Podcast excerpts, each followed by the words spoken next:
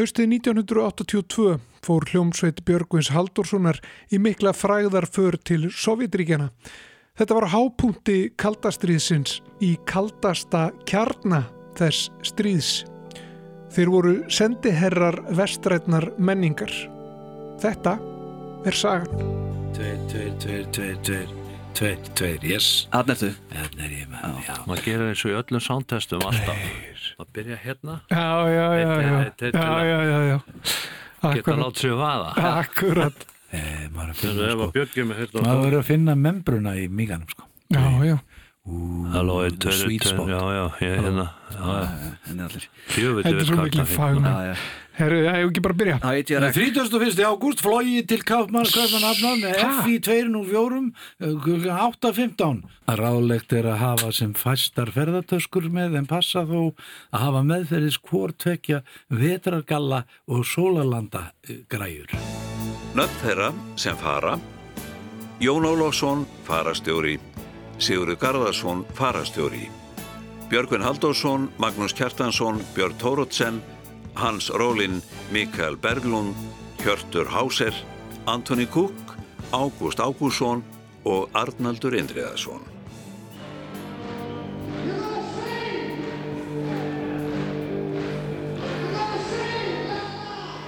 Í lokfréttatímans tökum við undir okkur heljarstökk yfir játjaldið og lendum í tónleikahöllinni í Sochi við Svartahaf. Þetta er upptaka af tónleikum sem Björgvin Halldórsson og hljómsveit hans heldu þar í borg. Hljómsveitin er nú komin heim eftir vel hefnaða för en alls hjælt hún 27 tónleika sem talið er að rösklega 50.000 manns hafi sótt. Þessi ferð var náttúrulega stórkostli í alla staði og tókst mjög vel, góð aðsókn og ótrúlega í alla staði. En hver er aðdragandi þess að þið fóruð ferðina? Þannig að Jón Ólafsson, hann byrjaði að skrifast á við Melody sem er uh, blötufyrirtæki ríkisins í Rúslandi og fyrir þrem árum og byrjaði að skrifast á við það og senda þeim flötur og þeir tóku vel í þetta og síðan er þetta búið að ganga, ganga um, mjög hratt á þeirra mælikvarða. Ég heiti Björgvin Haldarsson frá Hafnafyrði og er söngvari og ryðmagítalegari.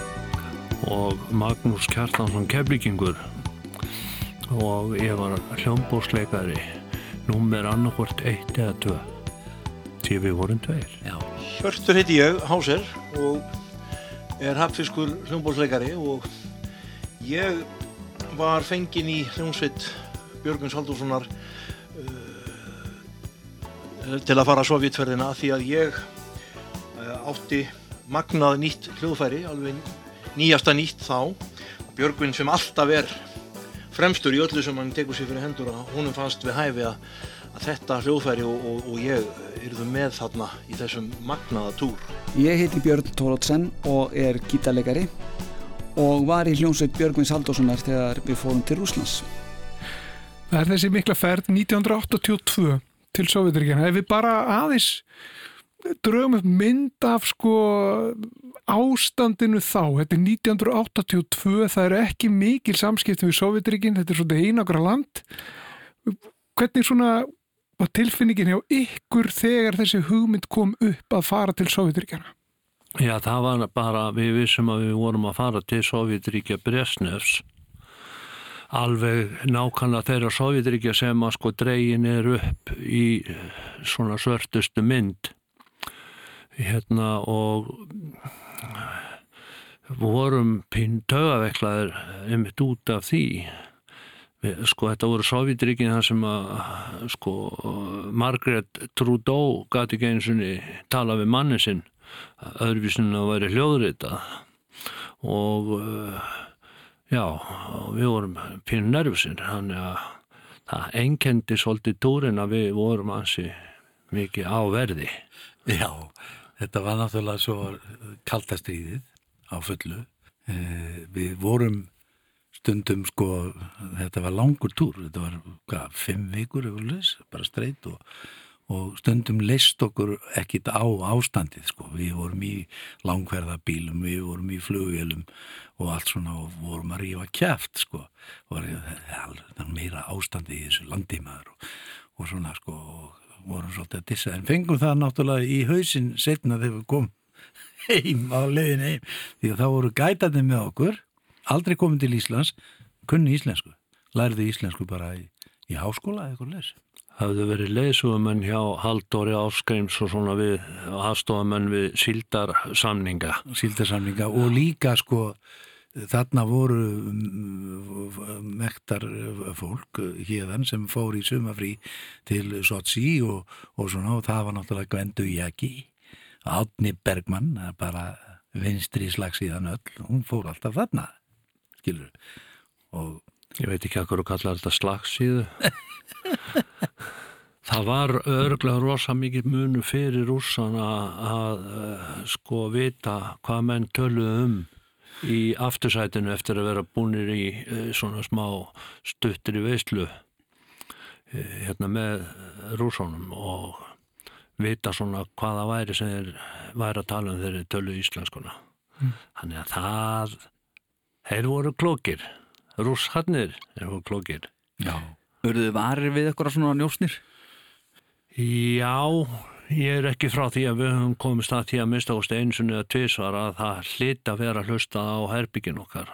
En eh, að ég geti pinpointaða alveg okkur fannst sko bara við eh, fórum bara vorkenna þeim sem satt niður við rítvilina og ekki allar á hótelinu.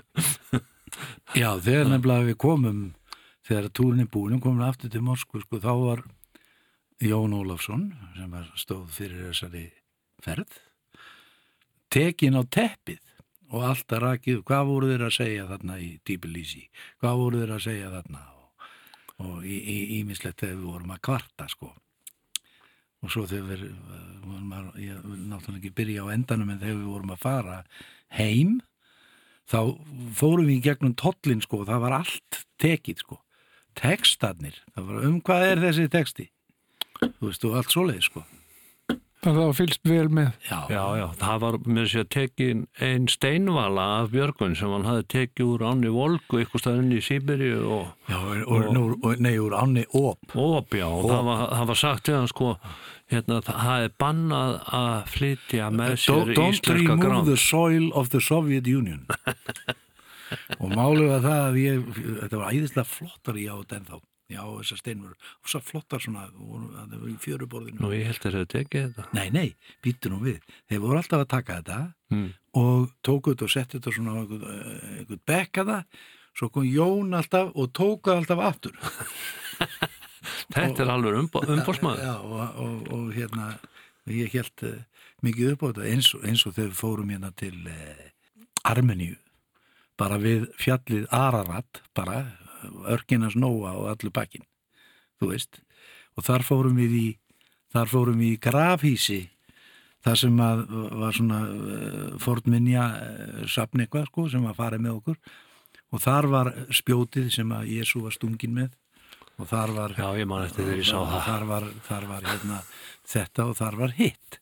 Og ég man að ég tók eina steinmjölu með og ég ætla að fara með þetta heim og láta greina þetta hvort þetta sé eitthvað fyrir Krist þetta var alveg sprengklægilegt en þetta var graf alvarlegt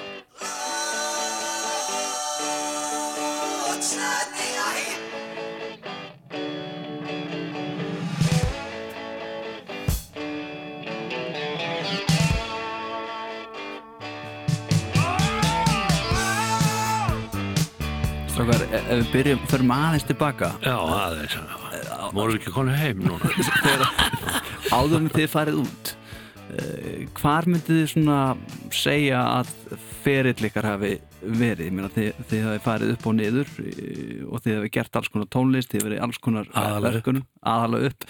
Hvar myndið þið segja að þið hafi verið stattir á þessum tíma hér Já, á segja, við vorum einmitt að tala um það Já, við vorum bara í blóma lífsins en vorum uh, sko þarna var hljónsveit gengi sem var að koma úr tónlistasnámi í Los Angeles? Sagði Magnús Kjartansson. Já, hvernig ég byrja í þessari hljónsveit Það er eiginlega þannig að uh, ég er nýkomin heim úr námi frá bandaríkjónum og góðu vinn minn Jónas R. Jónsson sem var mjög þekktur inn á Íslandi þáttastjórnandi í sjónvarpi og útvarpi að hann rálegum mér að vera í sambandi við Björgvin því Björgvin er að gera mikið af plötum á þessum tíma og er að pródusera hitt og þetta. Er bara svona stór mókull hérna á Íslandi. Og eftir að hafa verið í bandaríkunum þá fannst mér ekkit óyfirstíganlegt að ringja í Björgvin og bara tekka á hann ég þekkt hann ekkit áður en eh, ég bara nota gamla mátan á og ringi bara frá heimil, heimili fóreldra minna sem er, það er gamli símin, hérna, skífu símin svarti og ringi, finn bara Björgvin í símaskran og ringi í hann og það er dimrötuð Katmansrödd sem svarar og ég spyr bara er Björgvin heima? Röddin svarar hver spyr? Uh, já, ég heiti Björn Tórótsen og ég er gítarleikari. Og þá kemur næsta svar. Nú? Og þá er ég aðeins farin að titra. Uh, já, Jónas R. Jónsson hann hérna bendi mér á að vera í sambandi við þig. Uh, ef þið vantar gítarleikari í eitthvað, eitthvað verkefni sem þú veist að gera. Og þá var svona eins og hann kannast ekkert við Jónas sem ég held að allir þekktu og hann leti einhvern veginn þannig bara og mjög hissa á þessu öllu. Og ég byrja bara að svitna maður og þetta er bara þetta símtal er ekki að fara neitt sko. Þannig að ég held áfram og einhvern veginn hyggsta í út um mér að, að hérna, ef þið vantar gítarleikara í eitthvað verkefni sem þú veist með að þá ætla ég bara að láta vita mér. Og þá, eða, þá kemur eitt svarið við bótt og getur eitthvað Þarna var ég farin að óska þess að þessu símtali myndi ljúgra sem allra fyrst. Nú svo kemur ykkur svona óþægilega löng þögn. Þá kann til allt í hennu Björgvin byrjar að hlæja og segir auðvitað veit ég hverðu verðt. Og í framhalda tíja þá býður hann mér að koma á, svona, á tónleikaferð um Ísland. Og þetta er, þetta er svona hópur með öllu frægafólkinu. Sko á, þessum tíma er það er Latti, það er Siggi Sigurjóns það er Gísli Rúnar Randver það er náttúrulega Björgun Haldós, Maggi Kjartans og síðastur hinn í hljómsveitina er góðu vinnu minn úr kinnunum Hjörtur Háser. Og þetta er grunnurinn af hljómsveitinni sem fór til Rúslands Það er Björsi Tór Hjörtur Háser vinnur hann sem var mætti nú ekki mjög vel í skólan held ég. Sko ég segi nú ekki sambarlitt við það að fara til tumsins sko en næstum því það svona í okkar huga því þetta var, við vorum að fara inn í land sem var algerlega lokað. Og uh, tveir svíjar Hans Rólin og Mikael Berglund. Og þeir uh, voru á heimleið til Svíþjóðar en ákvaði að stoppa hérna í uh, sagt, bóði mínu og og Björsa Tór. Þannig málum við vesti að e, þegar ég var úti í LA að þá er ákveðið að gera plötu með mér og með mér á þessar plötu eiga vera Hans Rólin á trommur og Mikael Bergelund á bassa. Þeir voru skólabræðu mínir í, í skólanum MI og algjörir afburðaspilarar og Jónas R sem bjóð út í LA á þessum tíma hann ætlar að pródusera þessa plötu og þetta er allt rosalega spennandi verkefni. Þetta er, þetta er svona fusion músik sem var mjög hip og cool á þessum tíma. E, Björgvin veit af þessu verkefni og sínir þessu mikið áhuga. Og við fyrir að spjalla saman. Af hverju get setjum við þá bara ekki inn í hljónsitt Björgvins Haldarssonar og Maggi Kjartans hefur líka mikið áhuga á þessu og ég mann þegar ég spilaði kassettuna með þeim strákunum að spilaði fyrir Magga og Bjögga að þá það tók ekki, hana, það tók ekki nema 20 sekundur að Maggi fatta alveg hvað að þetta voru frábæri spilarar. Þannig að við ákváðum að reyna bara að fá þá með okkur á túrin um Ísland. Og þetta átti að þetta er að hafa áhrif á þeirra líf meðal annars að þá eignaðist mikið í þarna kærustu hitti stelpu á Akureyri og, og sem var kærastan hans og þau eignast barn og e, þannig að þetta breytti lífi lífi þeirra algjörlega. Þannig að því svo hljómsveit Björgvins Halldórssonar hafi ekki haft áhrif á ymsa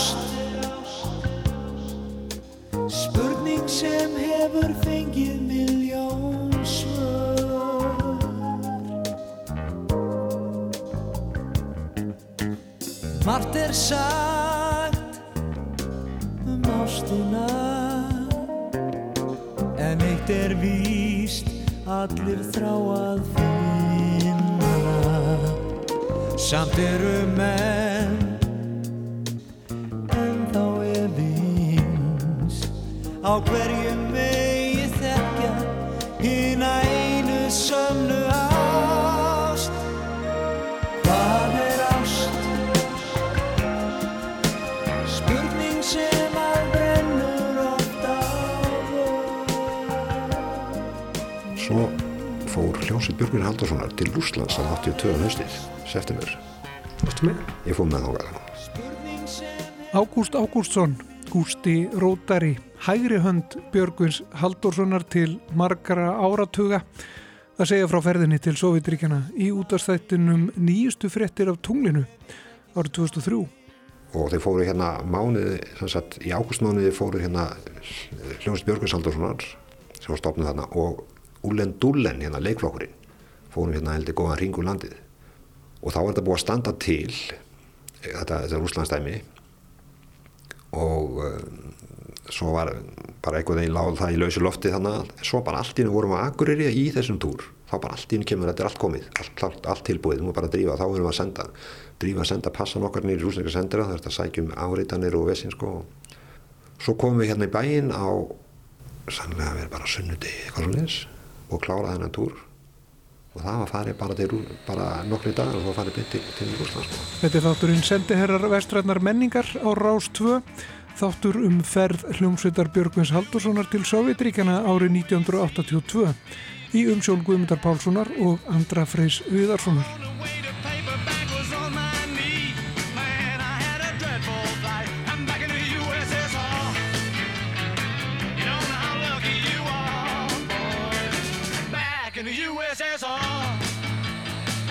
Þegar menn hugsa um þennan sovjetúru innan um allar sögurnar sem hafa eh, sko stækkað og breyst í gegnum tíðina í meðförum að þá verða menn að átta sig á því að þetta er á, á sko hápunkti kaldastriðsins.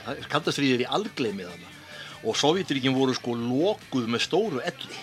Þú, það, þú gast ekki, ekki bara ekki farið inn og út úr Sovjetríkjunum, þú gast ekki ferðast með því hér á það. Við gáttum ekki, túlkur sem ferðaðist með okkur sem dæmi, gæti ekki farið með okkur frá einni síslu í aðra, það var það skipt um túlk við síslumörkin. Ég sá, fyrri hafði ekki sko leifi til að ferðast, skilur, úr rangafölda síslunni og, og, og, og koma inn í gullbringu síslu. Þetta, þetta var alveg, þetta var absúrt. Þar var fyrirtæki sem heitir Goss Concerts sem var sko mm, tónleika halds fyrirtæki ríkisins Sovjet, Sovjetríkjana og ég komst að því svo setna að þetta var fyrirtæki sem skipulaði bara svona eins og inn á félagsheimilin í alla tónleikasali Sovjetríkjana einhverja svona uh, ringrás Þannig að það komu listamenn, byrjuðu í, í Moskvu eða einhver staðar í keðjunni og svo var farið, farin eins og við kallum það ringvegurinn sko. Og þannig var þetta til að okkur var bóðið þetta og við ákvaðum að slá til og, og ég man það, það, var, það voru ansi mikið viðbriði að eh, síðasta giggið eh, okkar áður við fórum út var á Patræsfjörði og þetta var sem sagt Patræsfjörður Olimpíu tónleikahöll Olimpíu Þorpsins í Moskvu næst á dagskrá bara eftir 2-3 daga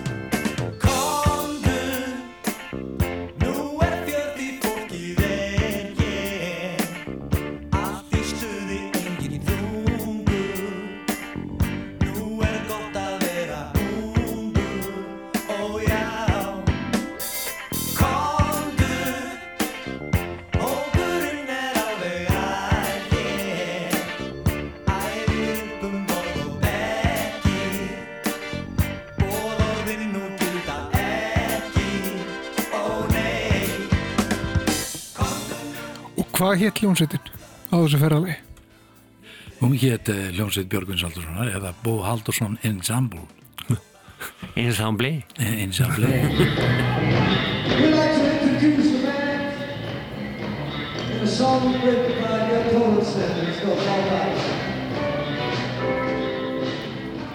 Ég man eftir í þegar við lendum á Moskvu og ekki má gleyma uh, fréttaritara Morgunblæsins sem var rítöfundur Íslendinga hann Arnaldur svonur Indriða Geðfossnins hann var sendur með okkur út til þess að dokumenta þessa ferð. Og ég heyrði það setna að það Sveit Guðjónsson sem var í Rooftops hann var á mókanum, hann var beður um að fara. Mikill sjálfstæðismæður og hérna kannski ekki núna en var, var þá, var á mókanum og hann vildi ekki fara. Þá var þá var Arnaldur fenginn að fara bara þú ferð Arnaldur. Þetta er bara lífseinsla og, og allt svona. Og hann kom með okkur sko. Og svo þegar við lendum hann á Moskomanni að og við erum að fara hann í gegnum vegabrifin og svona og, og, og, og þegar þú ferð þarna á þessum tíma 82, það var eins og sé skellt í lás á þetta sko. Skilur við og við tók, tókum eftir í að það var voðalega fagnaðalætið þegar vorum að koma.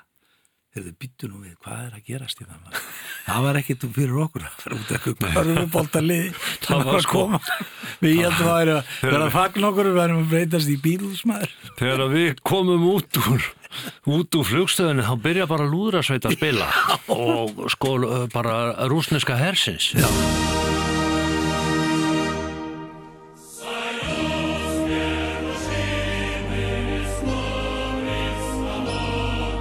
og hérna og það verður bara allt vittlust og ég man að við vorum að saman hérna við Björgun og, og, og við segjum sko við kvotnan er þetta ekki komið út í ykkur að vittlusu og hérna og svo var okkur litið til hliðar. Þá kom þarna hópur af sko tvekja, tveir pluss metra háum mönnum, þá var þarna að koma heim sko sovjaska körfubólta landsliði sem hafði orðið heimsmeistar. En við lendum því miður akkurat í eiga, að eiga einkoma með þessu. En svo þegar við komum að það í Moskvu þá var að við hleymi aldrei það var óalega grátt yfir öllu það var þoka. Vorum á skvítnu hóteli þarna downtown manni og það var svona hvort það var mengun eða illa list þetta var setni bara dags og svona og það var svolítið svona innilókunar kend sem kom þá.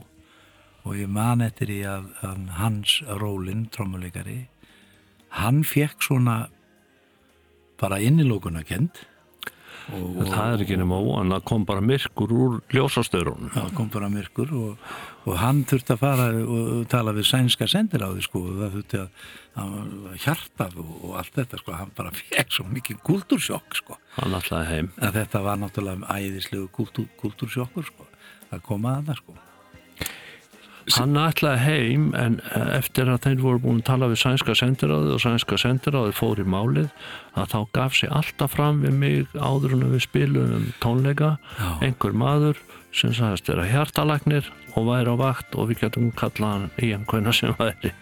Hann er að þessu leiti þá vantaði ekkit upp á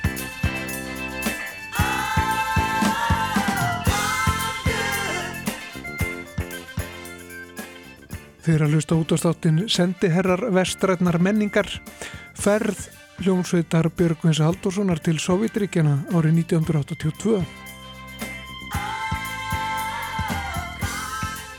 Svo vorum við náttúrulega með tvo gætaðana sem, sem skildu nokkuð vel það sem vorum að segja sko.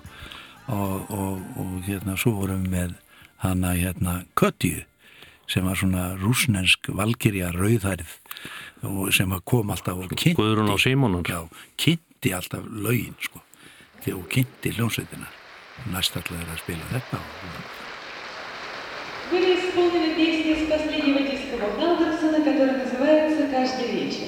А сейчас послушайте композицию в стиле традиционного джаза «Мы были вместе».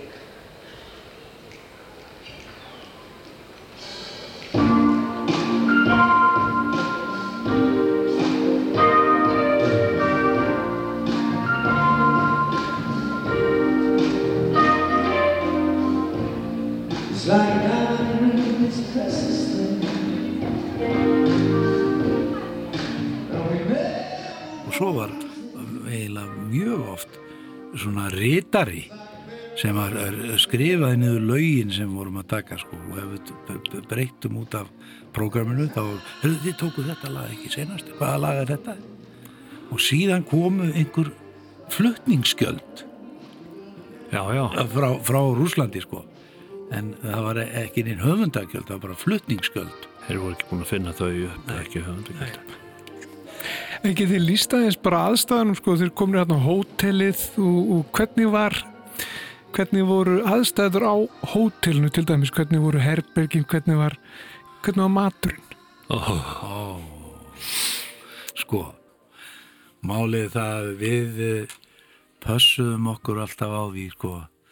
Það var kampavinn og það var styrja og, og, og vodka og við tókum eftir því að ferða okkur um landi sko, ég meina við fórum víða um Rúsland, þetta er gífulega stort þá í svona bæjum og svona þá voru eins og í gamla dag í Hafnafjörð þá var svona mjólkubúð við lækin sko. Og þá voru mjólkin alltaf í glerflöskum með svona tappa sem hún kannski rifið af sko. Þarna voru sko bara vodka fyrir utan sko. Gífulugur alkoholismi þannig fólk bara fór og, held upp á sig og dróð fyrir glukkartjöldin og that's it sko. Og, og þetta, þetta, var, þetta var mjög sérstætt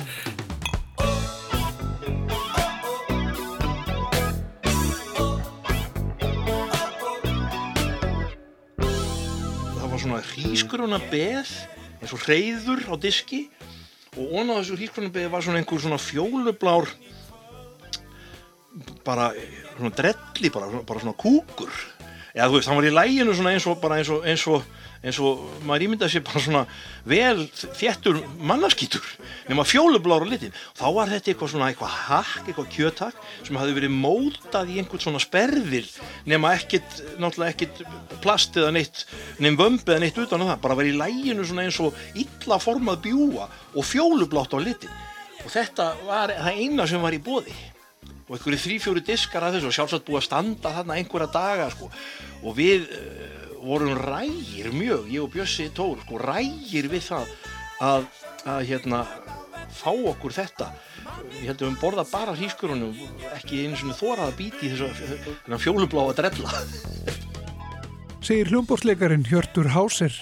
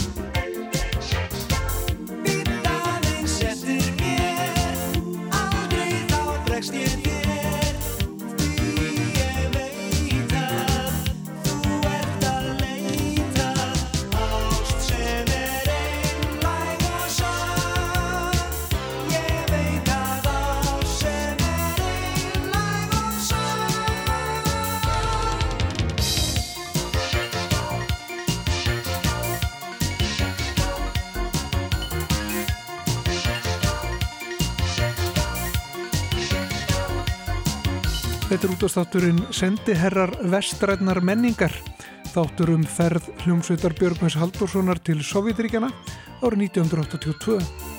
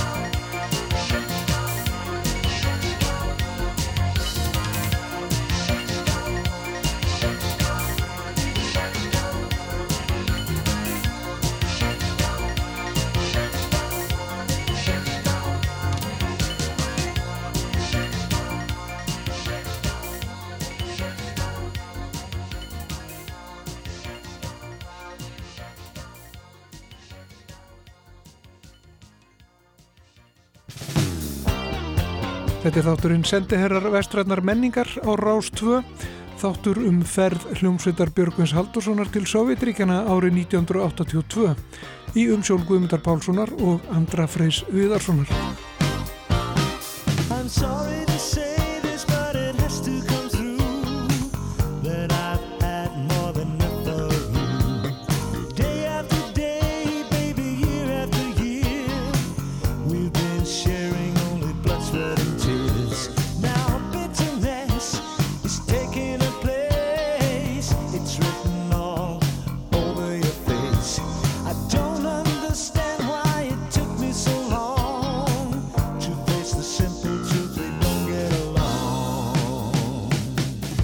Þetta er hljómsveit Björgvins Haldurssonar að flytja lagið I Can't Take It No More eftir Jóhann G. Jóhannsson.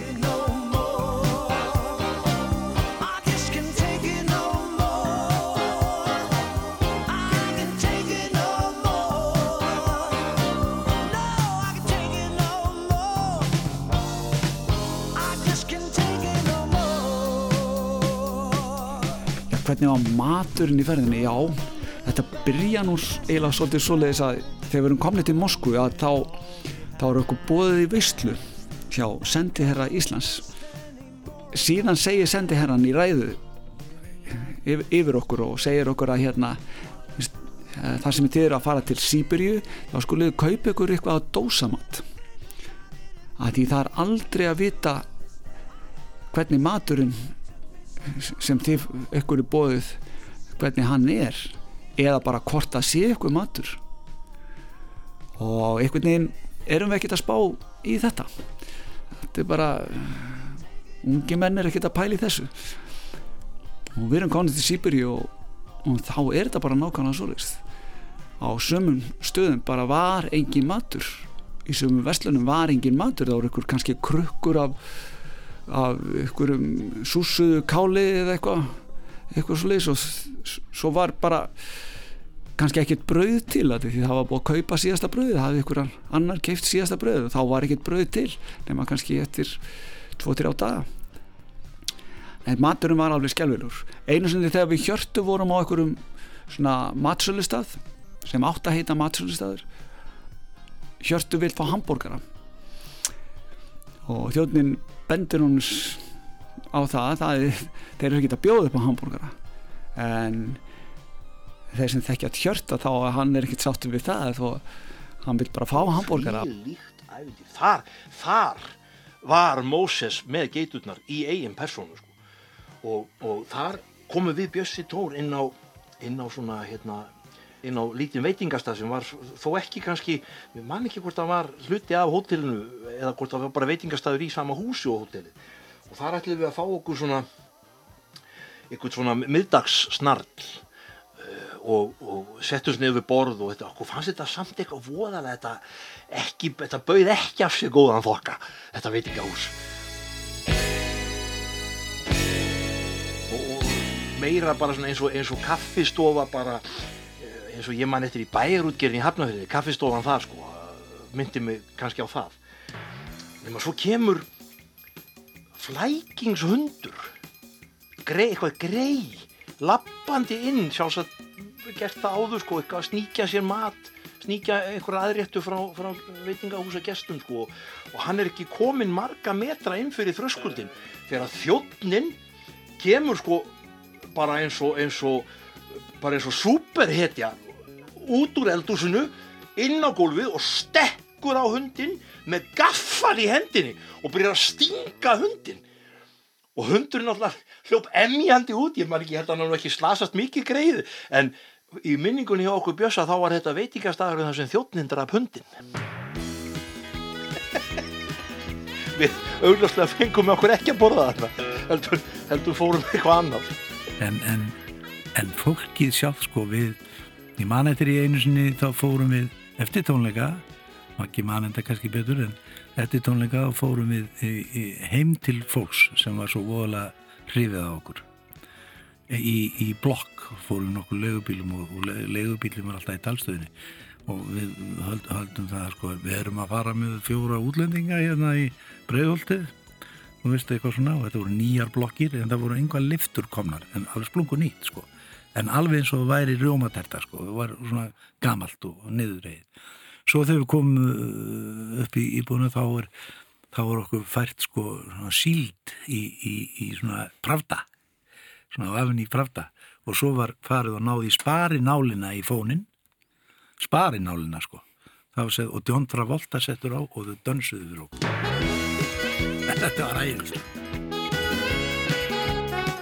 Og líka dansuðu líka við þjóðlög sko rús, að var- sem að þau voru mjög klári og, Já.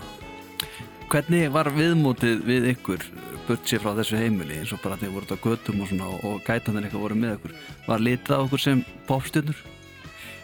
það, það fólk tók eftir okkur að því við vorum öðruvísi klættir, við vorum í lífæs við vorum í flottum bólum og flottum í leðujökkum og flott sko, en það voru menn sem og, og, og, og strákar sem að eld okkur til dæmis í típi lísi manni eld okkur sko, þá söður og við höfum solgleru og svona sko, það, og þá söður alltaf you wanna buy, you wanna buy? Sko meintu you wanna sell? En svo alltaf you wanna buy, you wanna buy? Nei, vil ekki að kaupa neitt.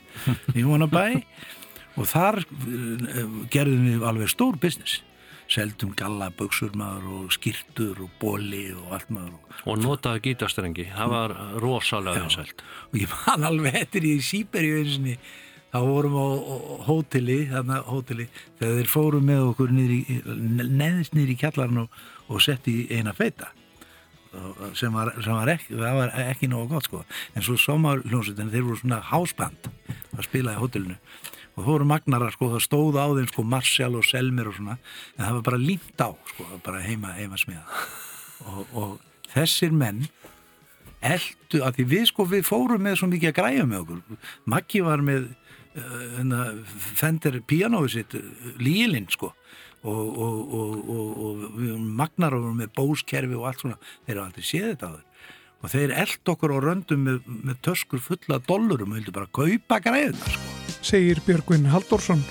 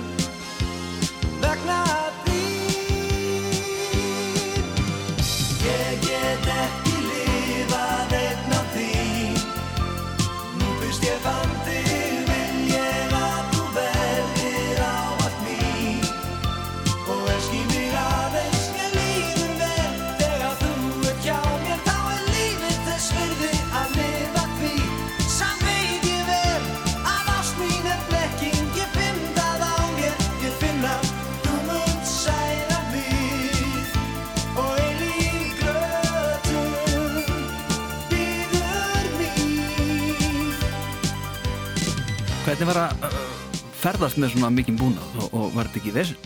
Jú, sko Ekki fyrir okkur, við vorum með rauðaherrin. Já, það var ungliða deild rauða hersins í vaðmáli, þeir voru svona rótarar hjá okkur mjög oft. var bara á hertrökk og það bara hljófærin voru komin bakdera megin klár fyrir okkur uh, í hvert uh, hljómleika hús og fætur öðru Já, sko, við gleymum ekki Tony Cook sem var á hljóðinu og Gusti og Gusti Rótari og Sigurður Garðarsson og Jón Ólafsson með, með, með bandinu sko. Þetta var aðeins við stór Þetta var mjög, mjög organiserað og, og svona og þetta, þetta er svona ferð sem að líður örgulega aldrei og minni. Þetta var menningasjokk alveg, þetta var kjafsokk sko. þetta var í fyrsta lagi það var komið fram við okkur af, af, af uh, mikilli virðingu og, og, og, og væntum þykju og sko, við vorum bortin í gullstól eins og popstjörnum segir hljómbórsleikarin Hjörtur Hásir Það var nú gaman að koma að núna sko, þetta er Rúsland og ólíkarkarnir allir og Putin og það sko. Sko, þeir sögðu að þegar Bresnef var hann að svo hann í sjónvarpinu þeir segja hann að hafi verið stilt upp svona, og heldu menn baka hann og heldu hann og reyðan svona. en hann var alveg, hann var alveg, alveg búin að vera. Kallgrei En manni verður stundum hugsa til þess þegar maður er að burðast með hérna hljóðfæri sín sko, já það var nú svo tíð að rauði herrin sáum þetta fyrir mig. Ég vildi hefða hann hérna eða þá. Hvað tónlist voruð að spila?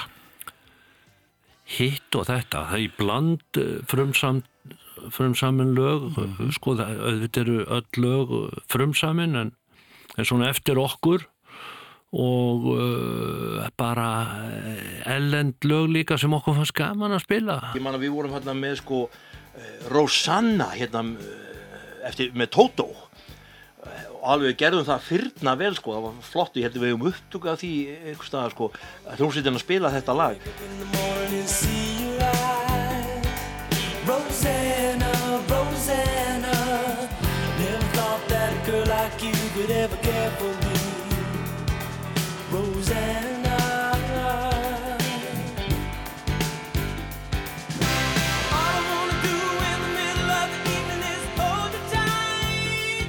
og, og, og Ebony og Ivory gott ef ekki var líka var nýkomið út þarna.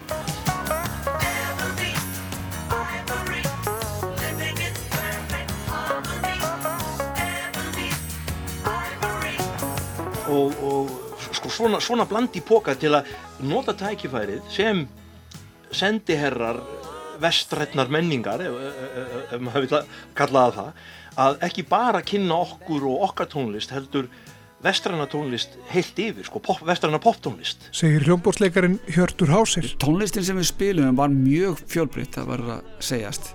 Og þeir eiga heiðurinn að því Maggi og, og, og Björgvin algjörlega. Skuldlaust.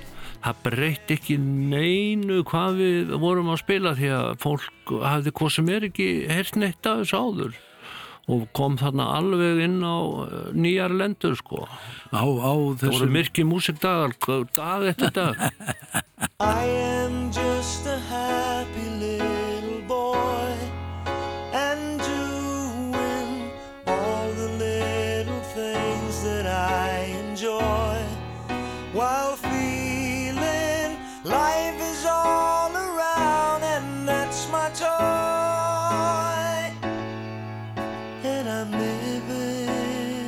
Þetta er hljómsveit Björgvis Haldurssonar að flytja lag Magnúsa Kjartanssonar To Be Grateful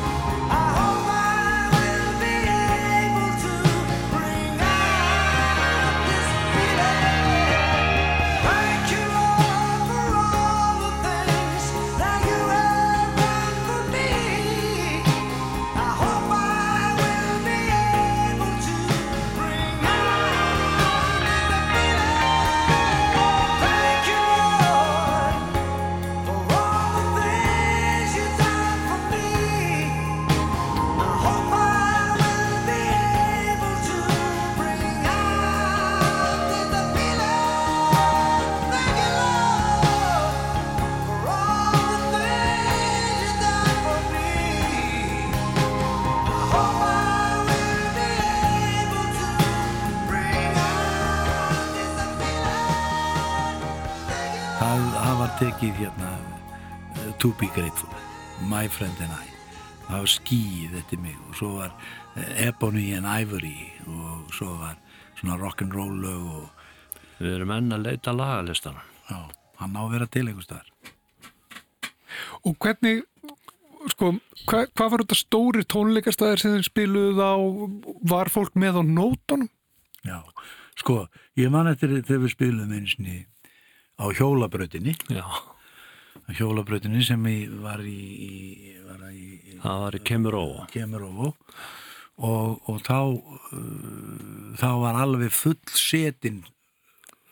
Það var sko uh, stór leikvangur sko. leikvangur sko. Og þegar við vorum búnir að búnir að spila eitthvað hlust þá man ég eftir ég að, að ég hljóp út á hjólabrautina og nokkri svona krakkar hlup, á eftir mér og, svona, og, og það var Það var hans hardest night. Já, það var hardest night. Og þetta var, þetta var alveg æðislega og við, við, við vöktum lukku, þetta var svolítið nýtt fyrir, það voru ekkert margir vestræni sem voru búin að fara og gera þetta, sko, núna er þetta bara ekkert mál, sko. Það var sko ein rockljónsveit búin að fara þennar hring sem var nitty gritty little nitty gritty dirt band. Já, country music. Já, og uh, skrítið að skildi hafa verið amerísk hljónsveit sem að fóra undan okkur. Ég held að þeir hafa verið þeir, jú, jú, þeir eru fræðið við lagi hérna. One toke over the line, sweet Jesus One Já, já. toke over the line.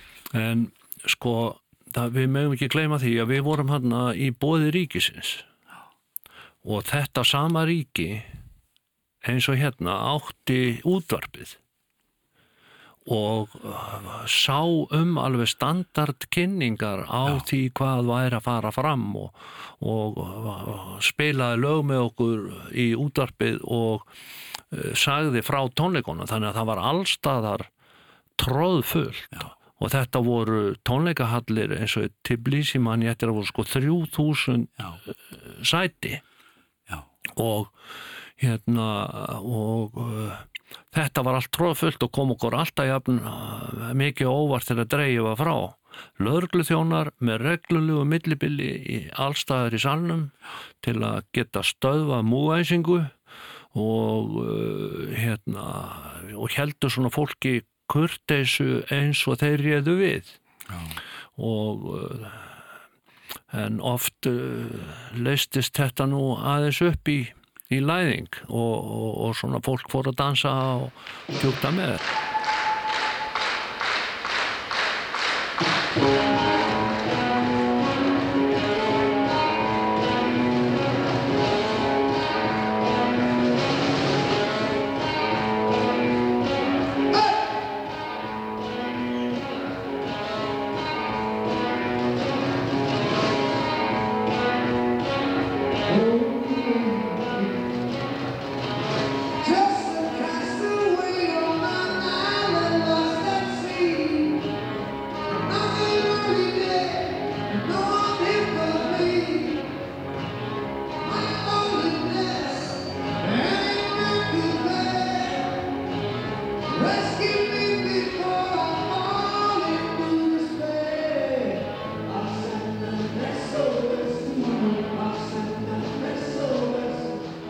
þátturinn sendiherrar vestræðnar menningar á Rás 2, þáttur um ferð hljómsveitar Björgvins Haldurssonar til Sovjetríkjana árið 1982 í umsjón Guðmundar Pálssonar og Andra Freys Viðarssonar. Ég man eftir því í Tíbilísi ég verð að fá að segja þessa sögu.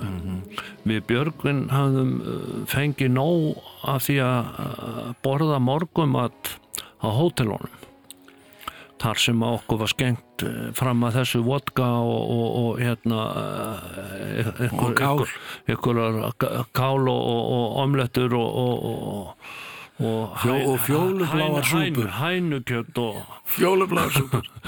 og hérna þannig að við tókum það ákvörðun að við ætluðum að, að hérna, skipta alveg um lífstíl og fórum, Björgun hafði keft ykkur staðar þegar við fórum lengst út í sveit fyrir utan Jerevan og spilum þar í ykkur sveitabæ.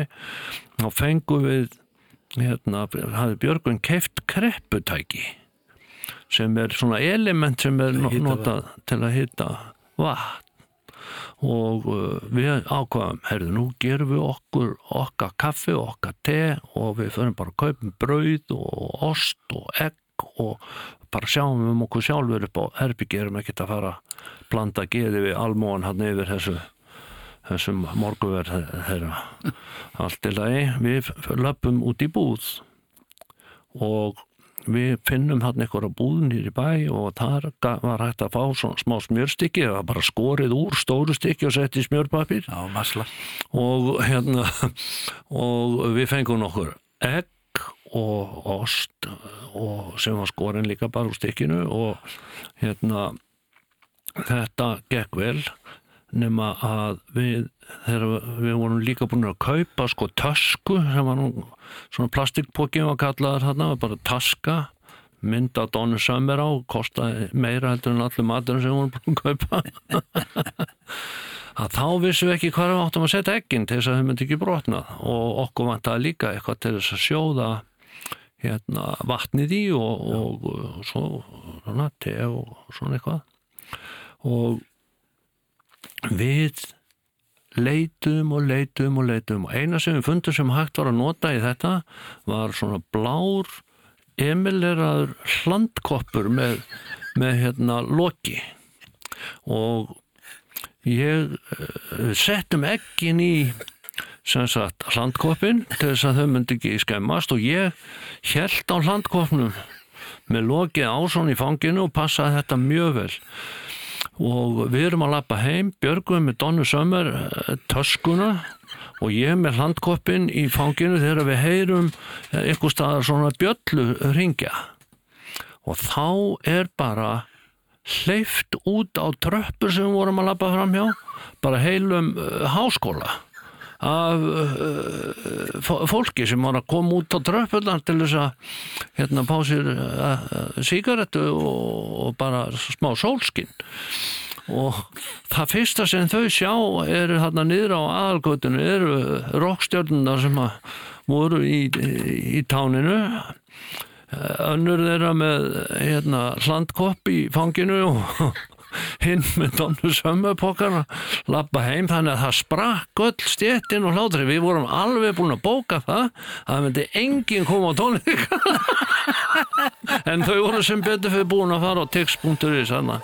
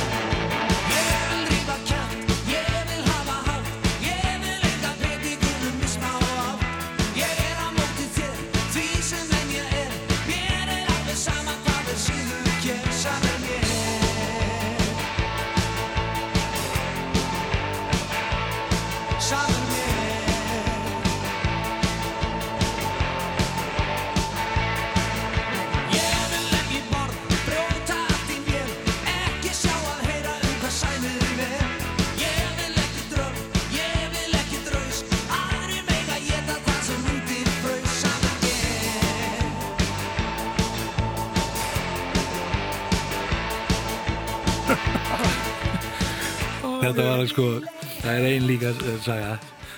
Sko, þegar við fórum hana til hérna Sýbri, Novosýbirísk Hva- hvað hét hérna, NATO Basin eða Basin sem við vorum Alltaf mata eitthvað svona. Það var geimstöð í- Geimstöð, það var think tank of the Soviet Union. Og þegar við komum þannig inn það, eftir eftirlitið inn, þá var það bara eins og væri komin einhver staðar annars það það var bara bakari og góð líknar og allir flott dressa og bara eintómir vísindamenn og think tank sko, og professorar og, og bara öruglega að, búa til eldflöðar og, Og og, senda, og senda uh, sputnik og svona dot sko.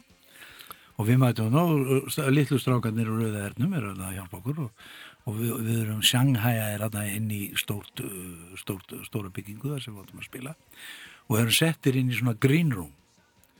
Það sem er styrja og kampavín og allur pakkin og, og það er bara stilt upp og dreigi fyrir sko. Og þetta er voðalega mikið uh, látið með þetta og voðalega mikið síkritt sko. Svo mætum við hann á það dreigi fyrir og svo, svo dreigi frá og við erum klárum fyrsta lag.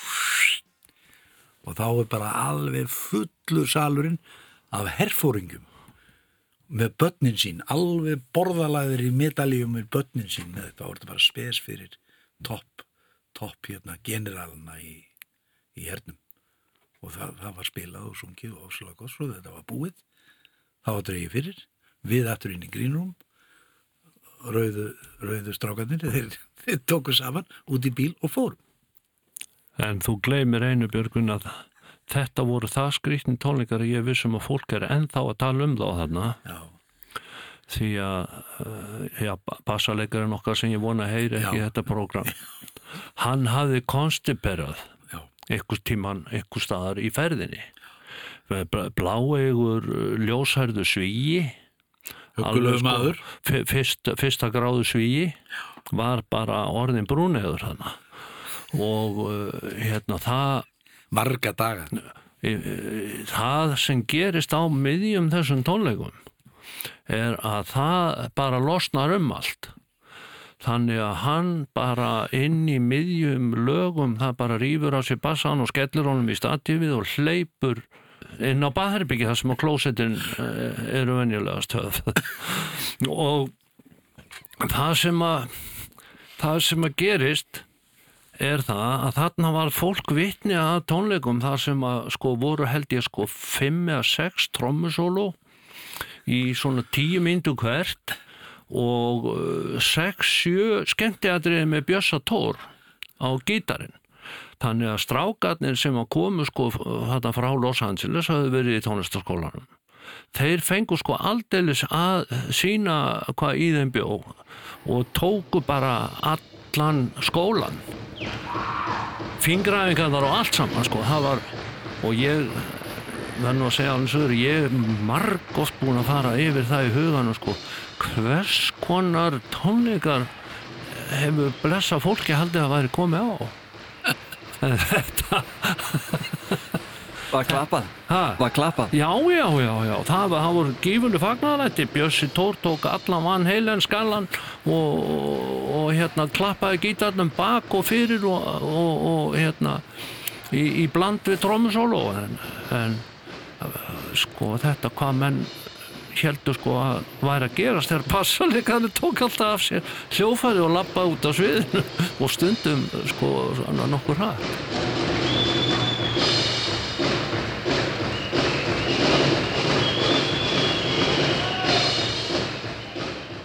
Nokkur skipulagsatriði.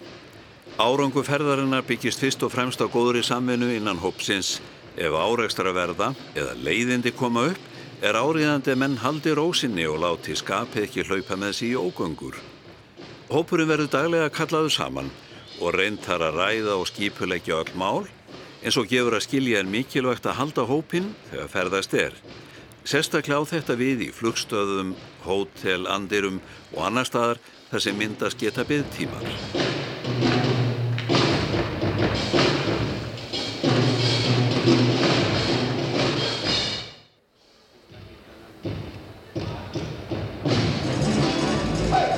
Þeir að hlusta út á státtin sendiherrar vestrætnar menningar ferð hljómsveitar Björgvins Halldórssonar til Sovjetríkjana árið 1982 í umsjón Guðmundar Pálssonar og Andra Freys Viðarssonar.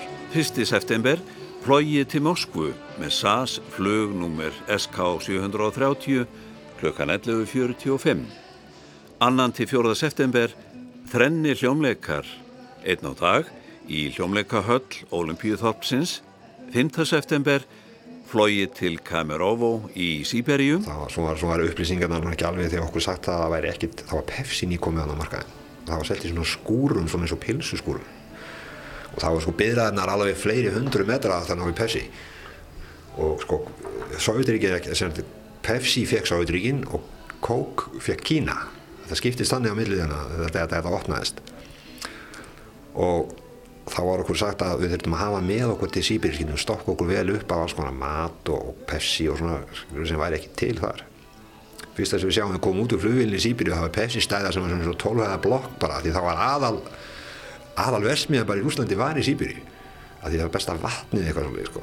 var, þannig að við höfum ekki burðast með ykkur alveg fleiri lögir í kassa þessum segir Gústi Rótari. Eflaust verið einhverja minniháta breytingar á þessari dagskrá en það gestur ráð fyrir auka hljónveikum þar sem vel tekst til. Pött og fylgi hlutir. Ráðlegt er að hafa sem fæsta ferðartöskur en passa þó að hafa meðferðis hvort vekja, vetragalla og sólalandstau. Til að fyrirbyggja miskilningu árækstra mun Sigurður sinna þeim málefnum er hópin varðar en Jón aftur á móti snúa sér að rústnesku hliðinni og málum er þá snerta. Hvernig var Jón Ólafsson sem umbóðsmaður á þessum tíma eh, með eitthvað svona díla og græja og gera og redda hlutum? Hvernig gekk það? Já, það gekk mjög vel. Jón er ekki fysja saman, skal ég segja þér. Og hann held nú mjög vel utan um þetta með aðstóð Sigga Garðars, Sigurður Garðarsson, hérna vinnu minn úr Njarvíkonum. Við erum allir söðunisjumenn, ég og Siggi og Jón. En mér og Jóni hafði eitthvað sinnast þarna áður en við fórum á stað, þannig að Siggi Garðars var fenginn til að vera milliliður og um, á milli mín og hans og, og, og það bara gekk ágætlega, hann var vinnur okkar begja en uh, Jón var duglugur að bjarga því sem að hægt var að bjarga og þurfti að bjarga nema einu sinni komu við seint inn á hótel, við vorum að spila á þessari áður nefndu hjólabraut eða hjólakeppnis eh, hérna braut. Fyrir utan kemur óvó og uh, þar höfðu við lendi ykkur stappi við fólk sem vildi gefa okkur blóm og, og fá eiginhanda áriðanir og, og þannig að við komum setna inn á hótelið heldur en að áallega hafi verið. Og þar átt að býða eftir okkur kaffi og, og kökur á hótelinu og uh, hérna kaffið var ekki vel heitt sem var til þess að Hjörtur Hásir vinnu minn sem er stundum eins og hann hafi aldrei borðað annað en gormapasta allæfi hann uh, sko sprakk alveg þarna framann í Jón Vilt þú segja þetta sögur? Þegar þú hættir í hljómsveitverðir Saldarssonar í miðri síperi? Álægið á okkur í hljómsveitinni og, og, og ekki, ekki síður okkur sko undirleikarana en, en, en stjörnurnar tvær sko Björgvin náttúrulega aðalega og, og Maggi eh, engin aukvisi. En við vorum svona eh, hljómsveitir sem bakkaði upp og álægið á okkur alla var gríðarlegt. Og til þess að svona að við þyrftum ekki að hafa áhyggjur af uh, einföldustu hlutum eins og því að það væri kannski til eitthvað að, að drekka te eða, eða Pepsi eða eitthvað og kannski samlokur eitthvað. Þegar við kæmum eftir að hafa spilað fyrir sko 10-15 þúsund manns kannski á tvennum tónleikum eins og stundum var þá voru, voru fyrri tónleikar og svo síðari tónleikar sama kvöld. Að þegar við kæmum upp á hótel að þá væri hægt að grípa í eitthvað snarl og fara ekki svangir að sofa. Og, og þetta var, var falið var falið einu manni í, í, hérna, í sendinemdini að sjá um sko um, og hann hafði öðrum hnöppum að neppa kannski en hann gerði þetta ekki alveg nógu vel að, sumum okkar fannst og, og þetta var aldrei klárt og við fórum ofta að sofa svangir. En svo síður upp úr þarna í Sýberíu og Jón uh, tekur nú á móti. Þannig að þarna varð heljarinnar uh, sko fætt sem verður til þess að hjörtur stendur þarna upp inn í miðri Sýberíu eða sem næst í og svo hendi ég í hann hérna einhverjum svona Yamaha DX7 synda sem ég var með einhverjum svona auka, auka synthesizer litlum og því í hann og, og hérna og segi bara ég er bara hættur í hljómsveitinni. Og svo lappaði ég út úr hótelinu og, og út í myrkrið sko og það held allir að þetta væri bara grín. En hann strunsar út úr þessum, þessum sal sem að kaffiveitingarnar átt að vera í og, í miðri Sýberíu og hann Það, já, það er sagt við mig hérna, heyrðu Maggi, fylgstu með honum, fylgstu með honum. Já, já, ég geri það, ég kem mér bara fyrir stól hann í lobby. Svo bara næsta sem ég sé þegar liftan kemur niður að hjörtur bara með töskuna og hann strunsa bara út á hótelinu og út á breystræti og bara einhvern veginn út af einhverju sem ég veit ekki akkur tekur hann þá ákvörðun að beigja til vinstri? Hann hefur einhverja náðagáfa í þessu sambandi því að hann er náttúrulega lesumæður í dag. Og hérna, hann strunsa bara eftir breystrætinu á gangstjættunum þarna eða gangstjættinni sem var svona cirka jafnbreið og miklu bröðin sko báðarakrinnar hérna, og hann strunsa bara í burtu og ég held mig svona í skugganum sem að var nú ekki mikið vandi því að eins og ég nefndi á hana og kom bara myrkur úr ljósastörunum og ég held mig svona til hér svo eldan þá til ég sé að hann er farin að hæja aðeins á sér. Þegar ég svona renni upp að hliðina á honum þarna, eftir að hann var búin að hæja á sér og horfa til begge átta í nokkru sinnum og ég renni mér upp að hlið í hjartar og reyna að benda honum á að þetta sé nú kannski ekki alveg besti staður í heimi til að hætti íslenskri hljónsveit og hann svona smán saman fattaði það að þetta það gæti ekki gengið upp. Og Maggi saði setna frá því sko hann hafði svona eh, litið á landakort ekkert löngu síðar og átta sig á því sko það er jafnlangt til sjáar í allar átti hvort maður fer í, í, í, í hérna, norður Íshafið eða, eða, eða suður í Kínahafið eða, eða í hvað átt maður fer það er jafnlangt til sjáar ef hann að fara til dæmis keirandi eða, eitthvað þá er hann í fleiri mánuði sko að komast bara til Moskvu. Og þá ætti hann eftir að reyna að bjarga sér heim eða, eða bara endað í gúlaginu já.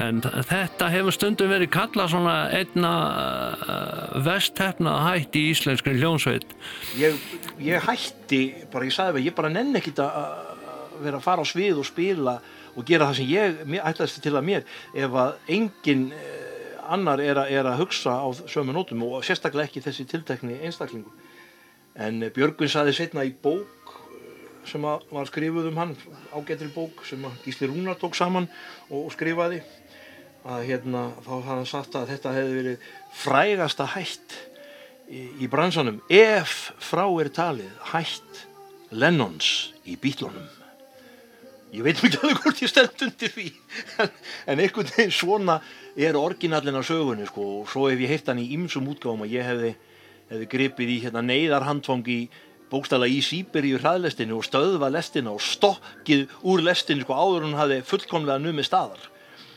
og hlaupið út í skógin sko. en þetta var nú bara það ég reyttist að við skildum enn, enn eitt sinn eh, hafa- koma heim á hótel eftir að hafa spilað fyrir svona stóran hóp fólks og, og undir þessu mikla álægi sem að við vorum sem sendiherrar vestrætna menningar að, að, að það var korki votni þurrt sko. Sérstök áhersla verður lögð á að hljónsveit og aðstóðarmenn verði vel kvildir fyrir hverja hljómleika og að hver og einn geti áhyggjulaust sind sínu verki. hann snýri við með mér og, og, og það var haldinn einn sáttafundurinn í viðbót á Herbyggi Sigur Garðarssonar og Jóns. Segir Magnús Kjartansson að þú sér eitt sáttafundurinn í viðbót Já, það voru, voru margar uppákomur Nei, það voru svona, það þurfti stundum að setjast niður og ræða málin það, Já, já, já, já. það, Við vorum fær, stundum konum með smá kapin fýver, sko. Ég man eftir því að við slóumst, ég og Maggi, einu sinni. Þá bara fauk eitthvað í okkur, ég man nú ekki út okkur í það. Nei, ég veit vel okkur þú mást það ekki En ég ætla ekki að segja þá Nei, sögu ok. Hún kemur í bókinni Já, kemur í bókinni að því nálaðin var alveg gríðarlega, við vorum saman sko, við vorum saman tveir og tveir í herbyggi. Þannig að svona, þetta var svona óþægilega stundum óþægilega mikil nálað segir Björn Tórótsen gítarleikari. Það mistaði stundum milli Magga og, og Bjögga. Þeir voru alveg þeir voru náttúrulega aðeins eldri og, og hérna og, og voru stóru strákarnir En hvor vinnur í slag þegar Magnús Kjartansson og Björgun Haldursson slást? Ég held að maður Maggi hafi minn og undir. Ég hafði hann ekkert undir ég náði bara góðu höggi áður en hann áttaði sig á hvað var að koma fyrir hann og, og, og, og svo daginn eftir ég gleymi þessu sent. Daginn eftir ætla ég nú ekki að þóra að vakna. Þá hafði Björgun fengið blóðna sér við þetta og, og hérna sopnað og eh, ég heyri hann er að bauka fram á baðurbyggi og ég fer og kíki þar inn. Þá sé ég hann er svona skvetta köldu vatni til að leysa gottana á andlitinu. Sem hafði storknað fastu við hann. Þetta... og svo er Björgvin búin að bera á sig sko öll þau smisl sem að bara maður eins og hann er með á svona ferðalagi og búin að gera sig kláran kemur svo fram og ég hugsa með mér, jæja nú hefst lesturinn. Þá tekur Björgvin svona í mig og horfir í augun á mér og segir djöfur þessi stuðar í gær maður. Og máli hefur ekki verið rætt síðan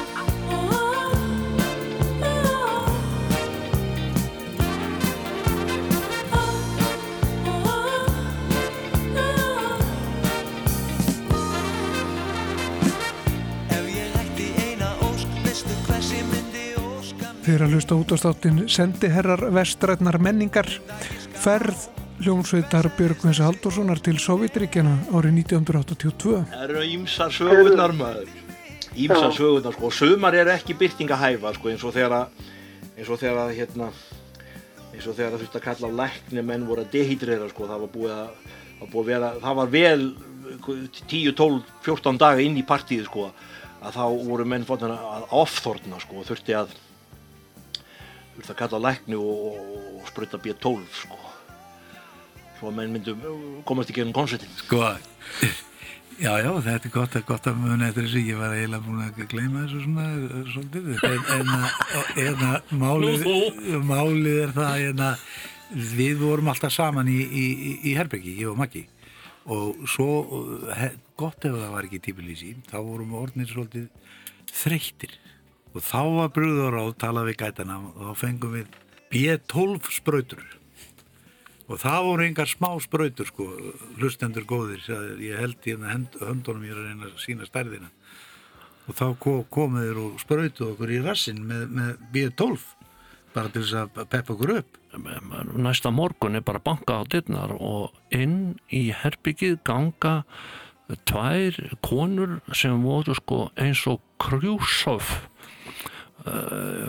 hvorum sig í einhverjum uh, sko hvítum svona hjúgruna sloppum Já, með húurnar eins og verður inn í fristúsi Já. og uh, hérna með uh, verkvarakistu sem var sko eins og er alltaf að fara að gera við opnin hana. og ég er bara lagður á magan og rifið niður um mig og önnur þeirra settist á baki á mér og meðan að hinn rak sko það sem ég held að vera í sæðingasprauta í, í, í læri á mér og sprautaði mig og það gekk heldur vel. Björgvin horfði á þessar aðfarir og var alveg bara eitt spurningamerki og svo fer ég nú eitthvað að ressast af þessu og kom Björgvin til mér og sagði, heyrðu, ætti ég ekki að prófa líka? Og það endaði með því að þær komu þarna held ég þrjá daga. Og þetta var til þess að fósbræðurni sem að sváu sko saman í herbyggja alltaf þeir voru sko töldu sig vera komin í allt annað aðra veröld heldur en uh, samferðamenn þeirra og tölu allt, um allt aðra hluti og, og, og skiptu alveg um bylgjulengd eins og útvarpstæki sem er stilt á aðra stöð en það, var allt bara miskilningur hjá okkur sko.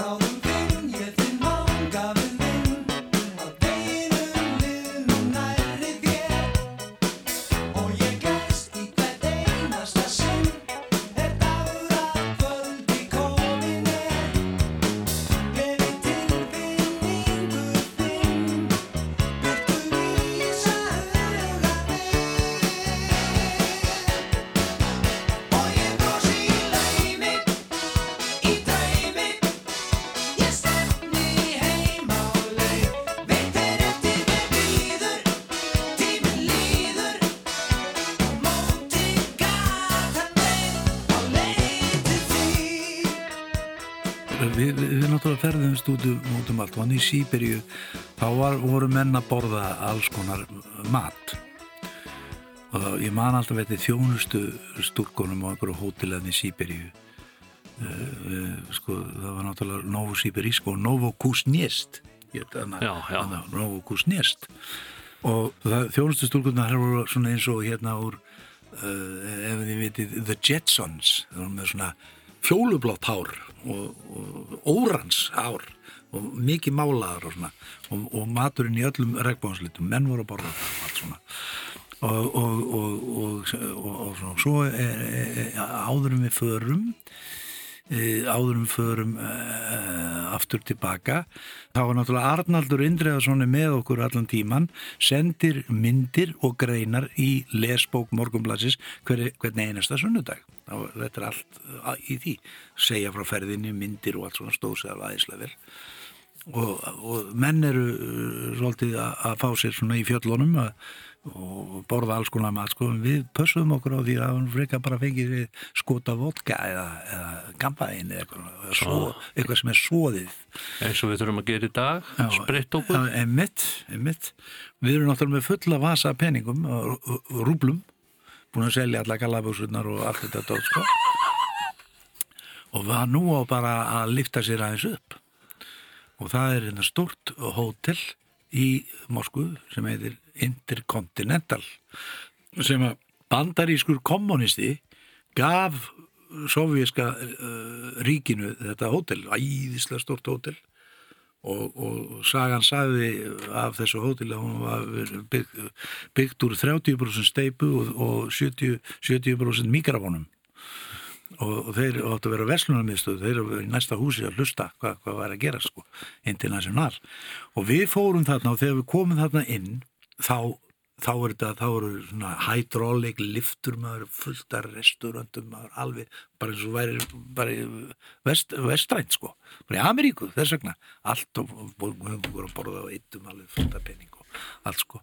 Síðan komum við heim á Hotel Russia sem er hann að rétti á Rauðatorkinu og, og með 7000 herbergjum og, og likla konur á hverri hæð sem voru með fangamarkið úr fangabúðunum hérna á þær voru með likla með herbyggjunum og, og Arnaldur fór ekki með okkur sko. komum að honum, þá var bara búið að innsikla herbergi hans og fjúmigeita sko, það er búið að sótrinsa bara með svona með svona hvítu dufti og allt svona. Og býtu hvar er Arnaldur? Þá bara fekk hann svona ríkalega gastroinfection að hann var bara ælandi og spúandi og var bara nær döði lífi og hann er bara fluttur á, slísastofuna og við erum að fara daginn eftir og við erum að fara og það, það er ekki til, ef við förum og skiljum hann eftir þá kemur hann ekkit heimatur sko. Og hann var reglulega veikur sko bara, og við förum á slísó þannig og þar, er, þar eru konunnar með, með hettunar í fristúsinu og Black and Decker hérna, verkarakistinnar og allt þetta og, og bara... svona hjálm eins og þeir væru að reyna að komast í þú og ég. Já, eða Tjernobyl bara. Já, já, herðu, svo við, við bara förum með hann and, hann gett Andrei. Andrei, þannig að eitt gætin hann er með okkur og við erum bara með svona van fullt af dóti græðunar okkar farnar upp á flugu til að búið að ganga frá því, við erum bara með törskundan okkar flugis og við tökum bara Arnald með okkur. Hann er bara með í æð. Og við förum þarna í, í, í gegnum í gegnum skal ég segja tekið á flugvellinum og þar er allt tekið upp úr törskunum og textatinu, hvaða text er þetta og don't remove the soil of the Soviet Union og allur pakkin og tekin hæðin og passin er þetta rétt hæð, er þetta, er þetta þú í passanum skilur, doppel, doppel tekað sko. Og hann er bara þotn upp. Og svo hann græn hann var græn og hann er bara ég bara að deyja bara, við vorum alveg skítrættir og hafa farið með hann út í flugvil og hann lagði til maður og hjúgrað og sko og svo komum við til Kaupanafnar og þar er hann ennþá meira hjúgrað og ég mani alltaf eftir í að við Maggi komum á flugvillin og förum á restaurantin á Kastrup og fáum okkur bufftartar. Og af besta sem ég noktið mikið og verða frá þetta sko.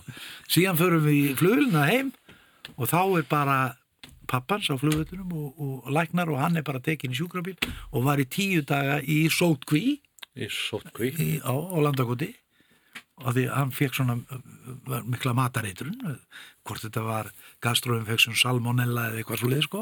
Það var salmonella. Þetta var salmonella, alveg ríkaleg bara... ég fekk þetta líka en ég var fljótar að jafna með heldur en þú varst honum veiku líka. Sko við, við, gleyma því að við erum að fljúa sko. Og það fljúa frá Moskú og þannig að þetta tók svo æðislega langan tíma. Og flugvélarnar sko maður Það var- beið bara eftir að uh, sko farþegarnir rúsnesku kæmu bara með hænur og grísi inn í vélarna sko. Það var eina sem það var einu sem við þurftum að, að þvinga makkar þess að fara um borð. Það var vél sko sem að bara bara annað vangurum var svona eitthvað svolítið, eða eitthvað svolítið og það, við förum ekki upp í þessa vél það var nú farið í hana samt. Það er farið með okkur upp í, upp í hálóftinn að þá er þá er svona brúnin farin að síga á mörgum sérstaklega þó einum. Og í tíðustveta hæð þá nennir hann ekki lengur að vera í þessari flugvél. Og nú er þessi flugvél enga megin bóðleg bara handónýta eiginlega. Og, og hún er meira að segja þannig sko ég man þetta að, að hurðin hefur búið að loka hurðinni sko eða dýrónum að þá var á hurðinni svona eins og, eins og er í kafbátum svona sn- snerill, þú veist, svona eins og, eins og lítið svona bara, eins og lítið svona bátastýri til að snú í ring, til að opna og loka. Og, og, og popstjarnan stendur upp gengur að þessum, þessu kafbáta eh, þessum snerli þarna og ætla bara að opna flugvélina. Bara búin að fá nóg og ætla bara að opna flugvélina í 10.000 feta hæð. Og þetta stukku flugþjónar og gott ef ekki flugmaðurinn líka stukku bara á viðkomandi og keirða niður. Hann var þó ekki teipaði við sætið svo týðkast í setni tíð. En, en þetta var svona dálítið moment þarna þegar, þegar hérna, átt að opna flugvélina bara og, og hætta og stökk og bara fara úr flugvélinni ekki að vera lengur í henni ég nefn engin nöfn en, en hérna, en fyrsti dagurinn er auðvitað Björgun sko. segir Hjörtur Hásir, hljómbórsleikari.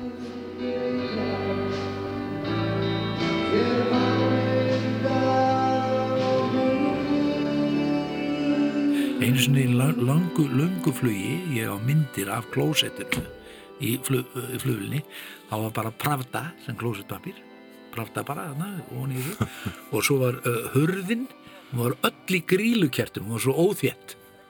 Þetta verið 30.000 vettum skilur og svo Exit.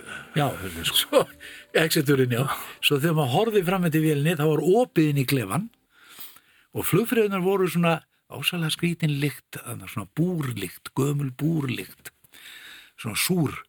Og flugfröðunar voru í búningum sem voru svona eins og væru uh, búið að breyta ef svo oft, það voru kannski feitar flugfröður og svo voru mjóar og þá sást svona saumar, búið að taka saman og taka sundur og allt þetta sko.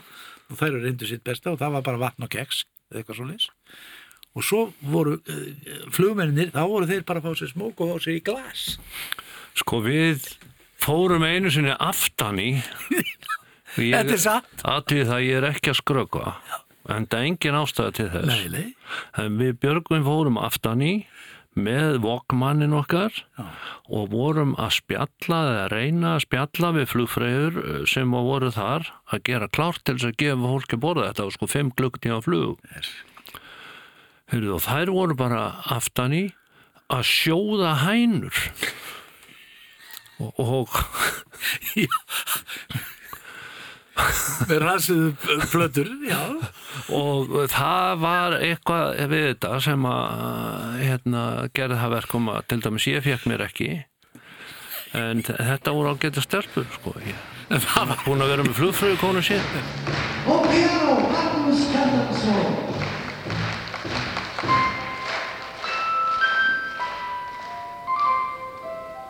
Þið eru þarna í 27, haldið 27 tónleika. Já. Sjö borgir. Þið ferðist uh, 20.000 kílómetra, spilið fyrir 50.000 áhörundur. Mhm. Það hljóta að vera haldið partí. ekkert svona góði menn þú vorst að spyrja á hann hvernig okkur fundist að koma heim Ég það var Andri sem spurði við það, Það hljóta að vera haldið partí. það var svona það voru svona hugmyndir sem að mættu manni þegar maður kom heim. Og uh, maður voru raktar úr manni gatinar það var ekki fyrir að maður snýri vörn í sókn. Að hérna að fóru að verða svona friðar ástand á heimilinu og, og það var þegar ég saði eitthvað tíma við mína elskulegu uh, hérna eiginkonu sem er búin að standa við hliðin á mig síðan við vorum 17 sko ég saði við hana sko ef að það hringt í erbjöllunni og það stendur úti þar ykkur uh, ung kona með skuplu og nákvæmlega eftirmynd mína uh, við hönd sér uh, hérna ekki hleypinni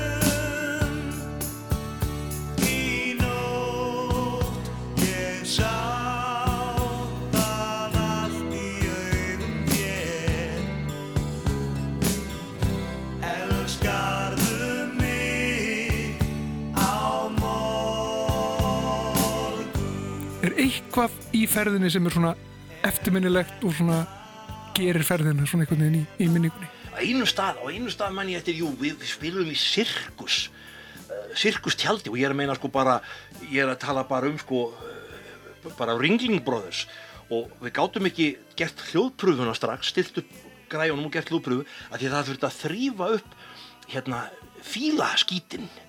Það þú veist, menn að koma sko og móka að því fílarnir höfðu kúkað í, í ringin á sýningunni í eftirmiddaginn og það voru ljón í búri undir sviðinu og með við spiluðum. Og ég man að lyktin af ljónunum ég hef aldrei komið svo nálægt ljóni á æfinni, ég hef sé bara ljón í dýragarði bara sem, sem bara táningur ykkur stær í Evrópu. En lyktin af ljónunum var svo sterk að það var eins og eins og þegar að, var, eins og þegar að kom fyrir í bæjarúkinni þar sem ég vann sem, sem úlingur að kom ammoniakleki og mönnum surnaði í augum út af ammoniakinu þetta myndi mig á það að lyktin af ljónunum var eins og ammoniak og þegar var búið að móka sko skítinn eftir fílana og, og, og koma, dýrónum, koma dýrónum á bása þá var loksins hægt að hafa hljóðpröfu fyrir tónleikarna sem að fóru fram í þessu sirkustjaldi svo um, um kvöldið. Þvílíkt, þvílík vittleisa þvílíkt æfintýr Segir hljómbórsleikarin Hjörtur Hásir. myndi ég að til þetta lyktin af ljónunum. Það sem situr eftir eru náttúrulega minningarnar. Þær verða aldrei teknar á manni. Og upplifunin, það fer og einn náttúrulega upplifa þetta á, á, á sinn hátt. En ég held að við höfum allir orðið svona góðir vinir fyrir bara lífstíð. Allan að fyrir mínapastu þá hefum við svona mikla hlýju til hvers og eins í þessari í þessari hljómsveit og, og þeir sem voru með okkur Gústi, Tóni og Siggi og Jón Ólafs og Arnaldur Indriðarsson kvílíkir eðal gæjar og ég er bara mjög þakkláttur að hafa fengið að kynnast þessum mönnum Segir gítarleikarin Björn Tórótsen.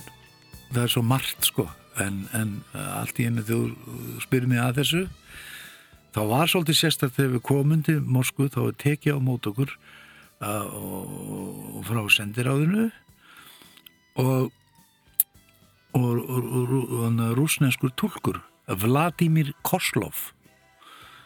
Og hann talar reybrennandi íslensku og kann alveg allt sko mikið lifandi skelving og skupi gaman að vera svolítið ívaður og allt þetta og hann þekkti Átna Bergmann og Gwendi Jaka og allt þetta dótt og sko þekkti allt þetta fólk og, og, og var bara æðislega næs og talaði alveg pott þetta og það hefði aldrei komið til Íslands. Og við vildum taka hann með hann fekk ekki að fara með. Ég held að hann hafi verið með allan tíma bara í kjallar alltaf. Já, hugsanlega, hugsanlega sko, því að við vildum endilega taka hann með því hann talaði íslensku sko. Og talandi um það þegar að við vorum að, að, að, að rífast í fjöllunum í Armeníu eða einhver staðar að, að finna aðöllu þá kom það allt tilbaka í, í Moskú, þá, þá var Jón tekin og teppið og svona, hvað voru þau að gera þarna, hvað voru að gera, vissi alveg hvað, hvað var að gera sko.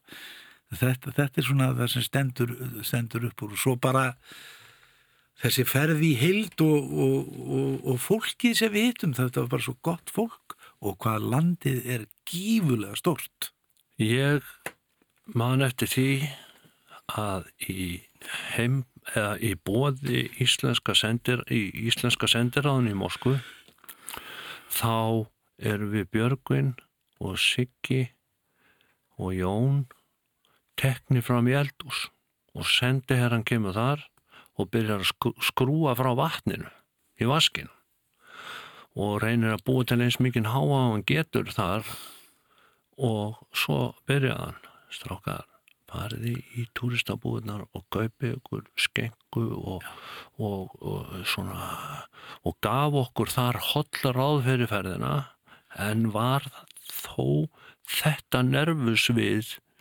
hlustununa í íslenska sendiráðinu að hann þorði ekki annað heldur en að skrúa frá vatni til þess að reyna að dölbúa og að engin myndi geta heyrt eða lesi út úr þessu nokkurt skapaðan hlut. Já, þetta er, þetta er satt. Síðan kom, svo kom Vladimir vinnur okkar hérna til Íslands og við hittum hann. Og hann var fenginn þegar Stengrimur Hermansson var fórsæðisara til þess að vera svona túlkur þegar voru að selja fiskin og svona dót sko. Og hann sagði okkur setna að, að uh, uh, hann var tekin á teppið, var kennari. Hann tekin á teppið og svona mm, ekki vera að blanda geði við heimsvaldar sinna veist og, og, og, og móðir hans lendi við sem með íbúðuna sína og hann var rekin og djobbin og eitthvað svona sko Sýttum hann að gauga á stöng. Gauga á stöng, já En mikið djöfulli var þetta gaman. Já, þetta var gaman. En uh, hvernig hyggist þið fylgja þessari ferð eftir? Verður það gert á einhvern nátt? Það á að reyna það, það á að reyna að koma út plötu þarna, hér fyrsta og uh, þetta verður náttúrulega ganga allt eftir því að þeir plana alltaf ár fram í tíman og það verður að taka sinn tíma. Það var Gunnar E. Kvaran sem talaði við Björgvin Halldórsson og þá er ekki fleira í frettunum í kvöld. Þetta er útastátturinn Sendiherrar vestrætnar menningar. Þáttur um ferð hljómsveitar Björgvins Halldórssonar til Sovjetríkjana árið 1982. Í umsjón Guðmundar Pálssonar og Andra Freys Viðarssonar.